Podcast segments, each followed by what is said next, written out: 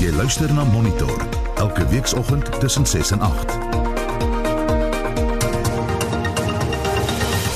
In die tweede helfte van ons program, hoe vry is die media in Suid-Afrika en die res van Afrika? Ons praat met 'n kenner. En navorsing toon nuwe neigings in vakansiegangers se gedrag bly by ons. Dis nou 10:07. Welkom by Monitor. Gister was Wêreld Media Vryheidsdag en die direkteur-generaal van UNESCO, Audrey Azoulay, het die kans gebruik om vanjaar se tema Information as a Public Good aan die groot klok te hang terwyl die VN-sekretaris-generaal Antonio Guterres sy kommer uitgespreek het oor die feit dat joernaliste in talle dele van die wêreld getuister aangeval en selfs gedood word. Trouwens Al Jazeera berig dat aanlyn aanvalle op veral vroue joernaliste toegeneem het volgens 'n peiling wat onder 900 deelnemers uit 125 lande gedoen is. Nou vir jare is boonop die uh, die 30ste herdenking van die UNESCO Windhoek verklaring vir die ontwikkeling van 'n vrye, onafhanklike en pluralistiese media. Ehm um, die ambisie wat op 3 Mei in Windhoek uh, verklaar is, laat mense wonder hoe vry die media dan op ons eie vasteland is. En ons praat vanoggend hieroor met William Bird van Media Monitoring Africa. William, goeiemôre. Hallo, goeiemôre. So hoe haalbaar lyk daardie ideaal, die Windhoek ideaal van 30 jaar gelede vandag? Well, it's a, it's a bit of a mixed bag, to be honest. You know, certainly in South Africa, uh, compared to where we were 30 years ago, we've we've got a lot that we can be proud of, and, and we've got so much to protect. Uh, you just look at uh, where our public broadcast is from then till now, for example, and you can see that while there are a lot of challenges and there are a lot of things to be worried about, we certainly a lot freer as a as a as, as a country you know, we can, uh, our journalists can go and they can report on things. We can be rude about our president on air. We can, you know, we can say all sorts of things. We can report those stories. And it's very unlikely that someone's going to come to your house. But of course, doesn't mean to say that it's a, a, a sunshine picture, but not by any stretch of the imagination. You know, this is a time of deep crisis for our media in South Africa, particularly just in terms of sustainability. We know the economic challenges that our um, public broadcaster is facing, and it's so critical to the functioning of our of our democracy. Uh, and we know that a lot of journalists are routinely threatened and harassed just for doing their job. So, by no means is it a is it where we need to be, but compared to where we were 30 years ago, it's very good. But of course, on our continent, that picture's a lot less. Uh, rosy than it is here. Um, you know, there's still far too many countries where internet shutdowns are, are seen as a, as a legitimate form of practice. Silencing journalists just on our border, you know, Angola, um, in Mozambique and Zimbabwe, obviously, uh, you know, Swaziland, you know, so with the countries that are just on our doorstep, it's really uh, the the picture is, is is really quite desperate, and that you know also on our doorstep is Namibia, which mm. has uh, got a much better track record. Afrika beleef nou tans meer as sy normale kwota van konflikte met veral jihadiste wat amok maak in Noord-Mosambiek. Ja. Jy het verwys na Mosambiek, Willem, Nigerië, Chad en dit maak beriggewing baie gevaarlik en moeilik. Hoe dink jy die media het by aangepas om steeds die storie te probeer oordra? Ek weet wat ons hier by Monitor doen. Ons ons praat met ontleeders en veiligheidspersoneel wat in daardie gebiede ingaan, maar ons doen dit nie self nie. Yeah, and, and that's a challenge because it's, it's become so much harder for our media to do it with fewer resources. They've got less people out in distant areas and distant places to get us the story of what's really going on. And then when you add to that the immense danger that those people are putting their uh, their lives and exposing themselves to, it, it, it makes it that much harder. So to be honest, you know, there are probably a lot of conflicts and a lot of really big stories that we aren't just aren't hearing about. Um, and that's and that's a real tragedy because it's these are you know the way that you advance and build up a democracy is to expose that sort of thing and make sure that people that are committing egregious human rights offences are, are are brought to book in, in some way, shape, or form. So, with to some degree, you know, if you look at some countries where there is a lot less freedom, the, the, the shift to internet and digital has meant that a lot of uh, people are now able to tell stories that, that that perhaps we weren't able to tell some years ago. So we're a lot more aware now of the rights abuses in, in Ethiopia against uh, journalists, and in fact in Mo- Mozambique, precisely because you know it, it's a lot easier to get information out provided you've got access to a mobile network. William, is dit sodat daar 'n neiging is dat um, internasionale media-organisasies, sien maar die BBC of Reuters, dat hulle stories oor Afrika baie keer beter dek as die Afrika media self omdat hulle geld het? Well, to some degree, you know, they've just they've they've historically, you know, like them for BBC, uh, uh, the, the French one, um, AFP, and uh, and of course Voice of America, they've uh, and Deutsche Welle. You know, those global foreign services have part of their their mission is to make sure that they try and give coverage to different areas and get people there to to buy their messages, etc. Which is you know how they've always operated, and that has meant that they've been able to get to places with far greater resources than than than, than local media. Um, of course, the danger with with a lot of the stuff that they have previously done is that it's is that it is done with a foreign eye. So it's not done because it's reporting for African mm. audiences. It's done for mm. African audiences, but with a, an agenda of whatever nation is driving that. And that always means that you've got that. Uh, that, that approach to a story, which is not necessarily one that, that, that we would necessarily support or adhere to. So it is really important that we have Africans telling African stories, you know, and, and, and to a degree we tried that in, in, in, South Africa, trying to tell more African stories, and I'm not sure that we've been as successful as we would like, but it's, it's obviously one of the key issues if you look at media freedom, that we are able to tell our own stories appropriately. Waar in Afrika is die vryste media? Uh, the freest is, in fact, Namibia. So um, I forget what how they ranked in the latest uh, World Press Freedom um, rankings, but they were a few places above South Africa. So it's uh, it's Namibia and then and then South Africa, and then I forget who just comes after us on the continent. But our continent is known as the most dangerous place for for journalists in the world. So Namibia and South Africa really are, are beacons of, of, of hope and in many places where you know journalists are, are struggling under extraordinary conditions. Dis baie interessant om te hoor oor Namibië. Jy sê dis nou die vryste daar, maar dan die teenoorgestelde. Waar gaan dit die slegste?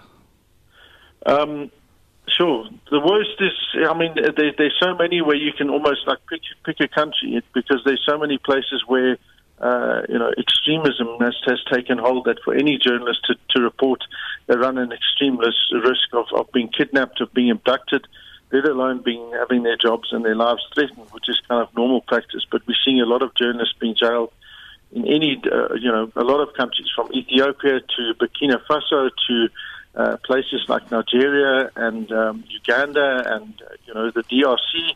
Uh, they, and there are just too many places in our continent where it's just not safe to to practice your your journalism. And then you know all the way back down here again to Zimbabwe, where you know if you if you try and do any form of legitimate journalism, you're likely to be arrested. Mm. Hoe groot is die probleem van selfsensuur in Afrika?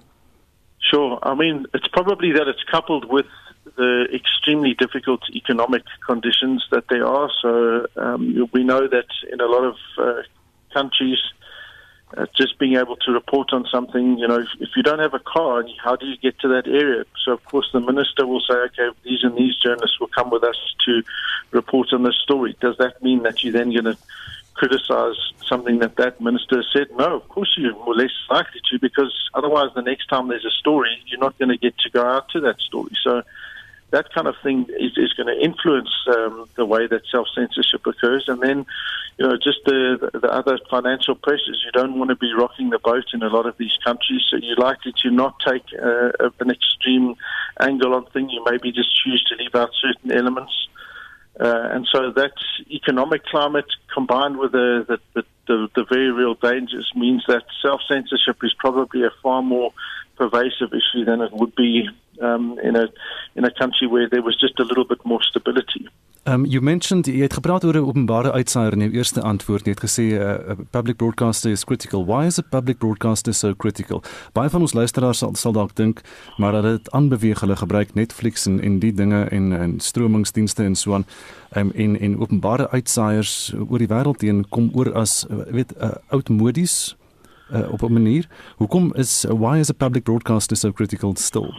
I mean, it, it, it does sound a little bit old fashioned, I guess, to a degree, except for the fact that what we saw with the COVID pandemic was sudden reliance on on credible, reliable media. And if you look at countries where they have the highest levels of trust, what's common to most of them, or almost all of them, I should say, is that they have uh, credible uh, public broadcasters. Public broadcasters are essential even in a digital era. In fact, arguably even more important in a digital era precisely because they're the one entity that's there to actually be and operate in, in, in the public interest as opposed to commercial interest. So great, you know, that we get all of these new services and they they bring in those programs, but you aren't going to get, uh, you know, any of these commercial entities doing subjects on really difficult issues because it's not in their interest. It doesn't make them money. So who's the ones that are going to tell those stories? How are we going to reflect the views of, of all of our audiences unless we have a public broadcaster? The reality is, is without a public broadcaster, stations like RSG, for example, would probably not be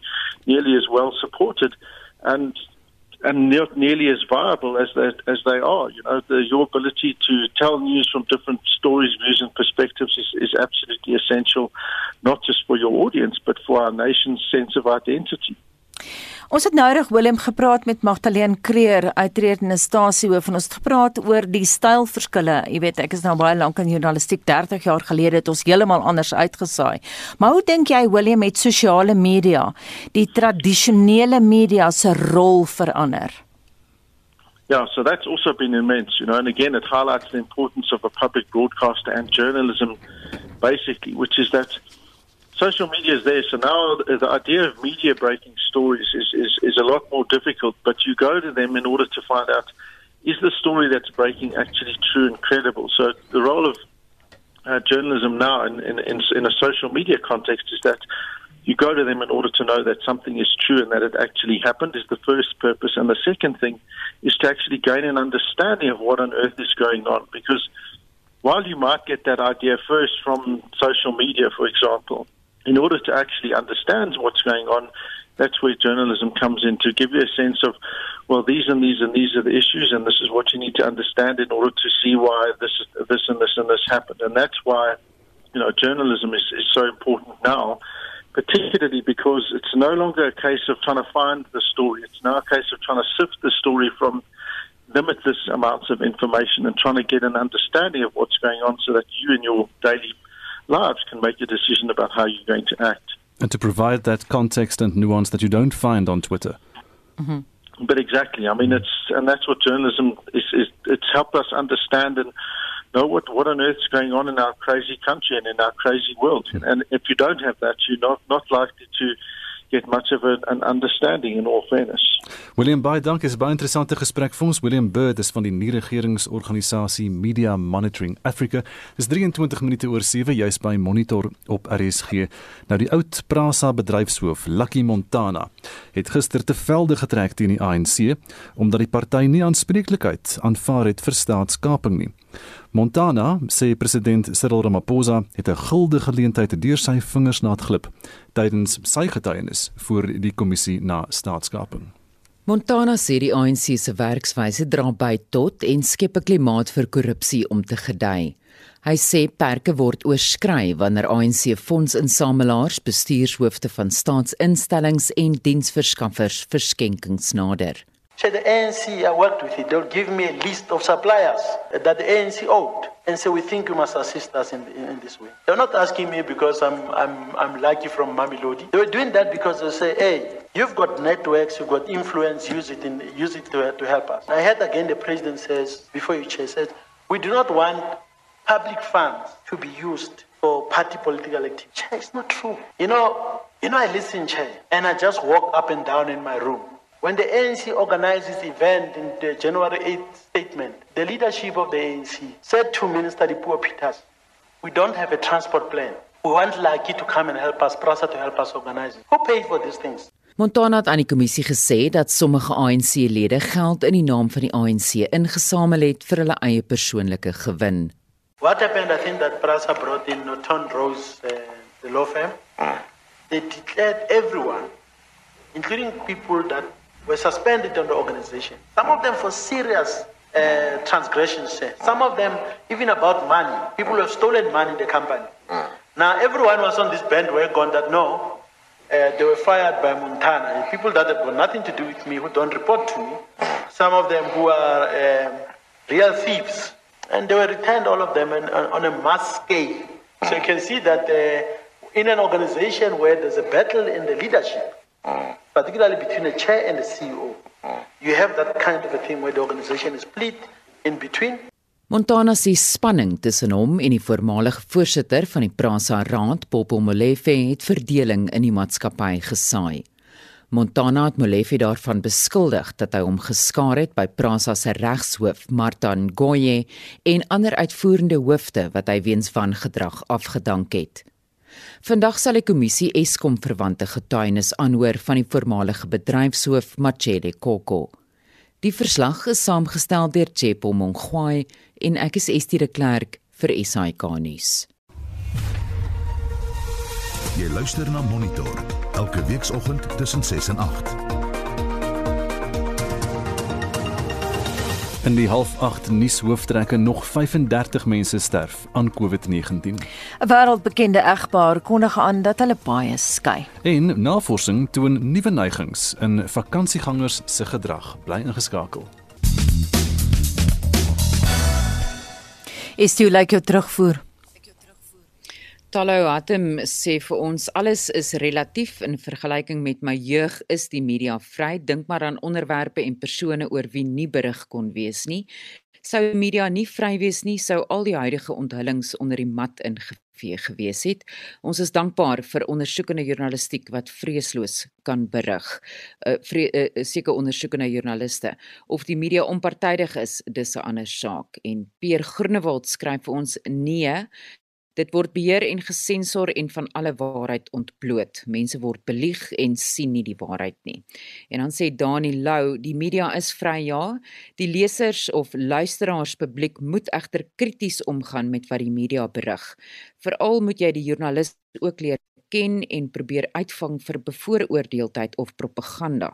Oppas vir propaganda en afknouerigheid, dis swak. Wanneer die meriete daar is om behoorlik bloot te stel, moet dit gedoen word. En Ben van Gordons Bay laat weet, die media is nie vry nie, die media is vrywilliglik gebonde aan 'n liberale agenda.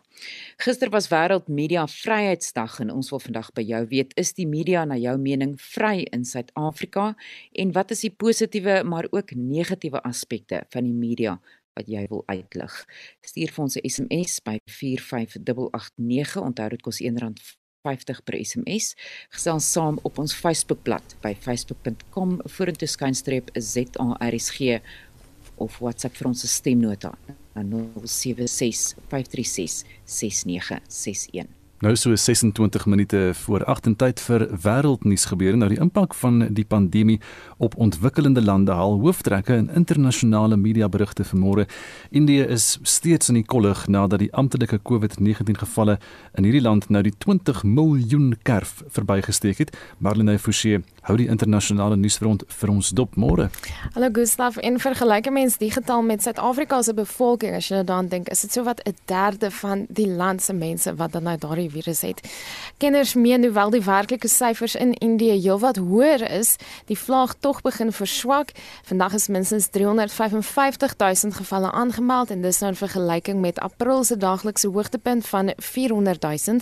Hoewel Indië een van die wêreld se grootste vervaardigers van enstowwe is, is slegs sowat 12% van die bevolking ingeënt. En die Filippyne het die tweede meeste COVID-19 gevalle in Asië. Streng inperkingsmaatreëls daar is steeds van krag. En soos wat die pasiënte getuig, is hospitale daar ook propvol. We arrived at 5 a.m. We waited in line. When we got to the emergency room, we waited for another 2 hours. All in all, we waited for almost 6 hours. En ja, die president van die College vir Geneeskunde, Maria Limpen sê medisiese hande is afgekap. Right now there are some local government units that have stopped the vaccination because there's no available vaccines anymore. There seems to be no effective programs to contain the pandemic.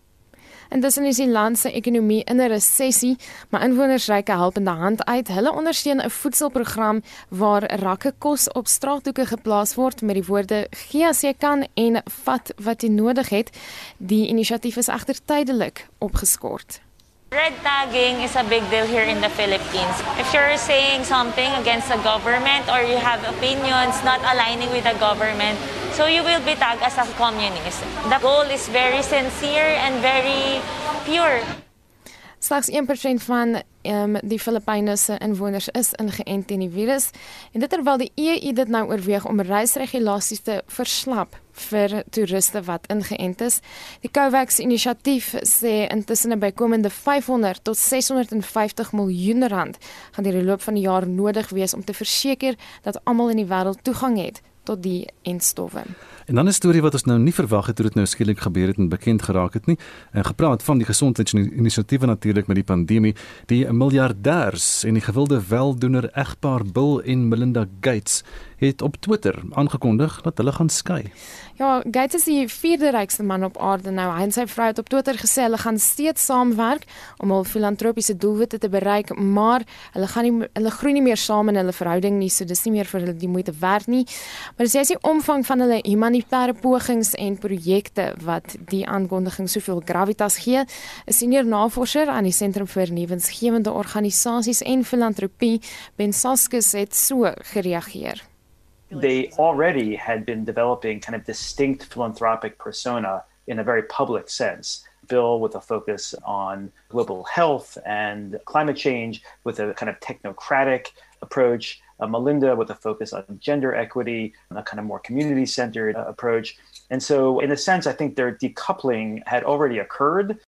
En dit was 'n senior navorser aan die Sentrum vir Nuwensgewende Organisasies en Filantropie dis nou in Amerika, Ben Saskis. En ons verskuif dan die aandag na die Afrika vasteland waar minstens 30 mense dood is tydens 'n aanval op 'n dorp in eh, die oostelike deel van Burkina Faso.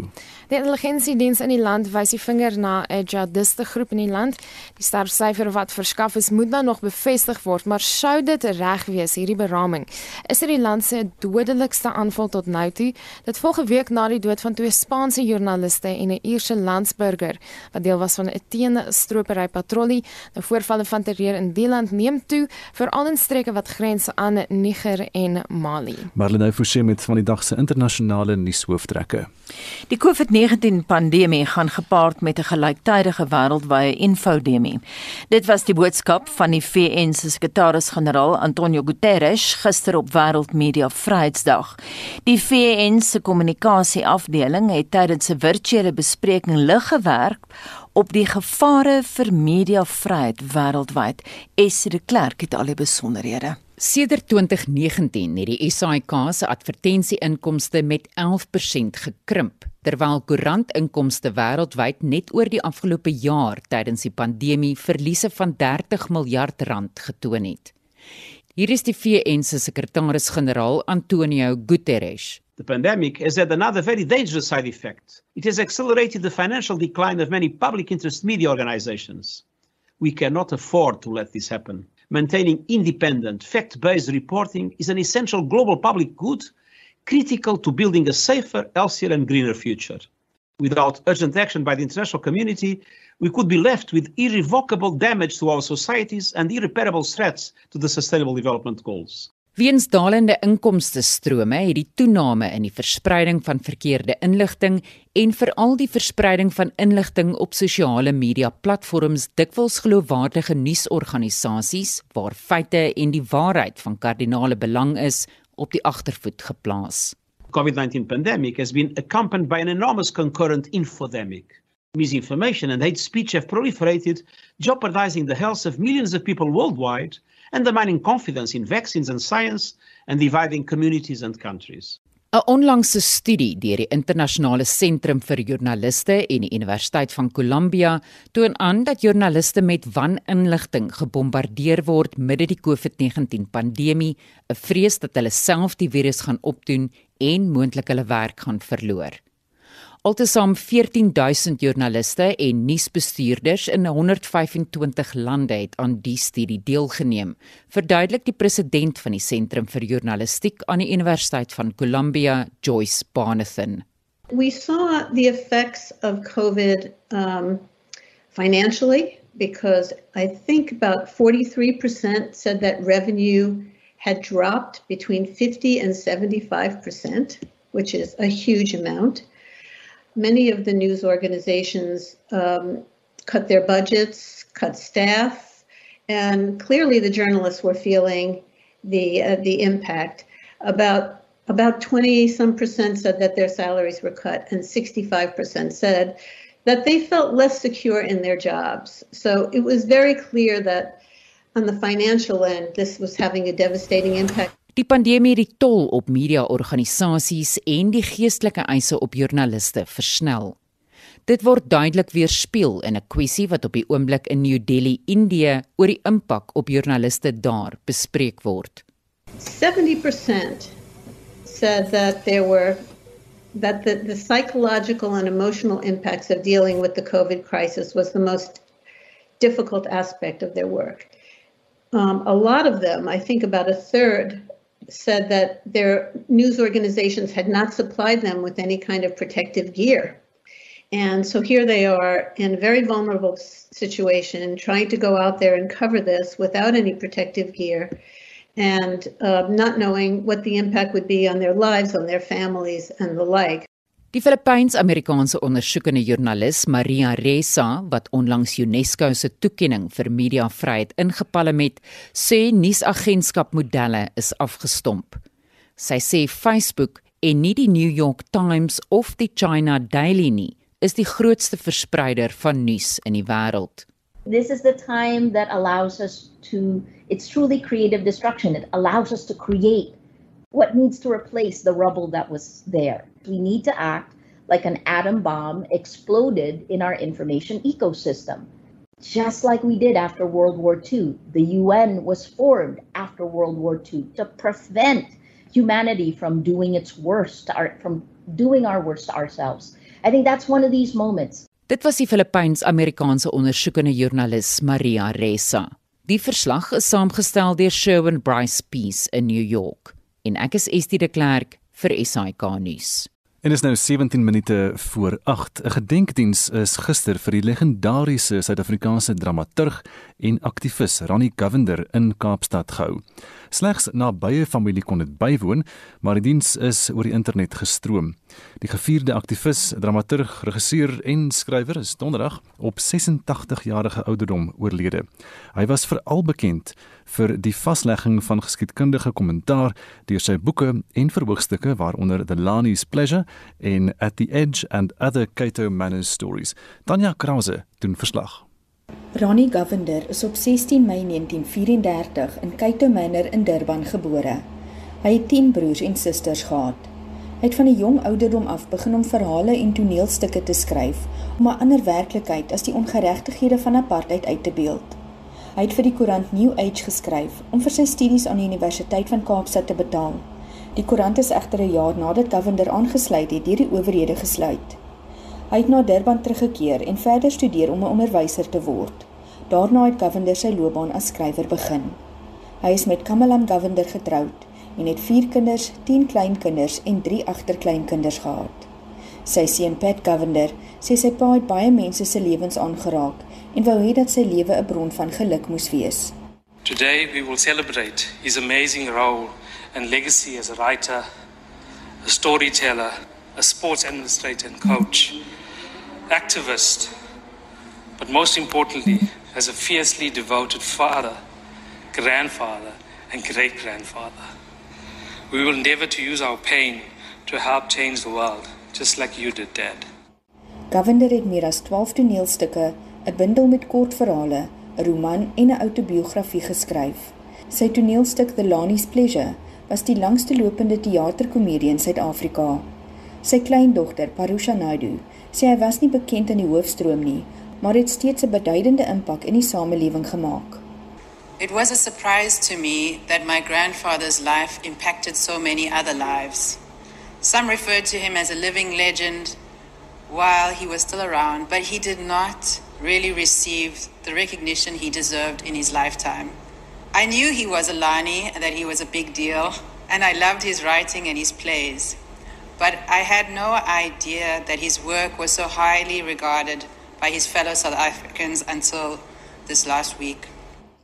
Die Suid-Afrikaanse regering het in 2008 aan Govender die Orde van Ikamanga toegeken vir sy uitstekende bydrae tot demokrasie en geregtigheid in Suid-Afrika deur middel van teater.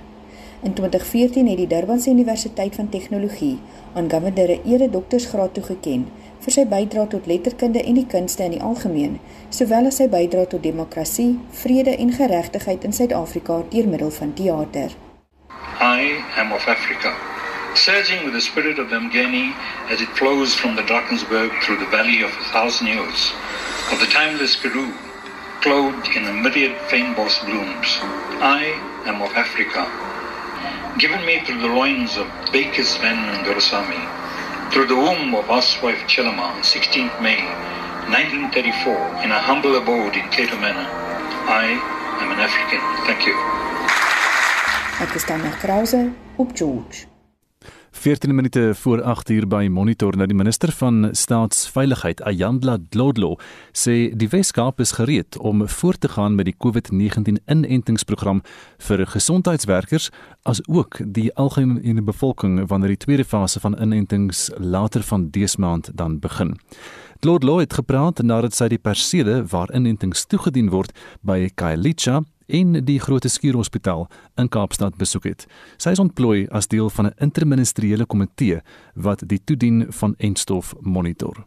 Die risiko's verbonde aan COVID-19 het daartoe gelei dat verskeie politici 'n beroep gedoen het dat die verkiesing in Oktober liefs uitgestel moet word. Die afgelope naweek het die minister van Finansies, Tito Mboweni, getweet dat die gevare van verkiesingsveldtogte, deur-tot-deur besoeke en lang rye by die stembus duidelike gevare inhou en dat die verkiesing uitgestel moet word om lewens te red. Die onafhanklike verkiesingskommissie het voorheen gesê daar is geen grondwetlike voorsiening vir die verkiesing om uitgestel te word nie.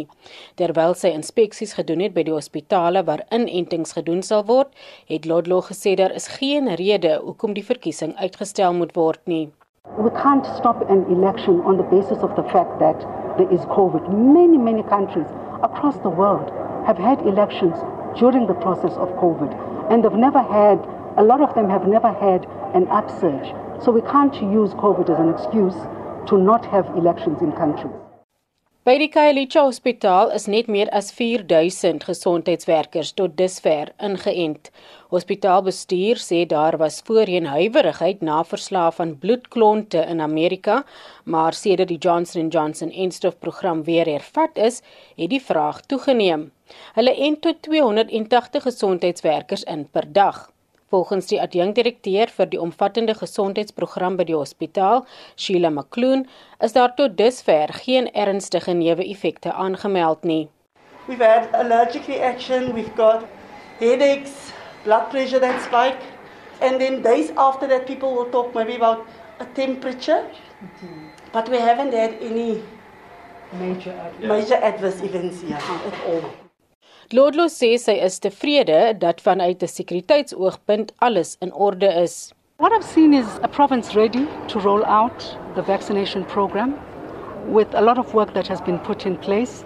So I get the impression here, having looked at the facilities, I came with some of my staff here from state security. They are working around the clock to ensure that the measures that have been put in place to ensure that there is safety all round for all of the vaccines that come through, but also the protocols for safekeeping are adhered to is actually effected.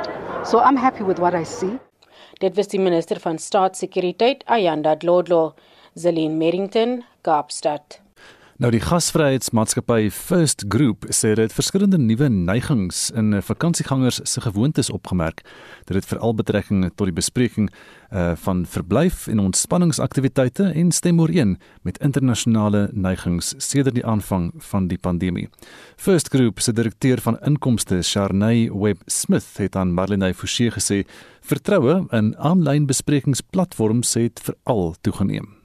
They're definitely starting to feel confident booking online rather than phoning the property directly or using an OTA as an example. They're setting some dates, booking in advance, and planning to reconnect I think purely because of lockdown and they haven't been able to see each other. So, very much so. And then, in terms of outdoor events and activities, they're definitely asking for a lot of outdoor activities and events so that it's out in the fresh air. It kind of talks to more of the better social distancing and it's spacious, and people are just feeling safer. So, they're really enjoying things like horse riding and paintballing and those kind of outdoor things that they can enjoy, family picnics out in the open, fresh air.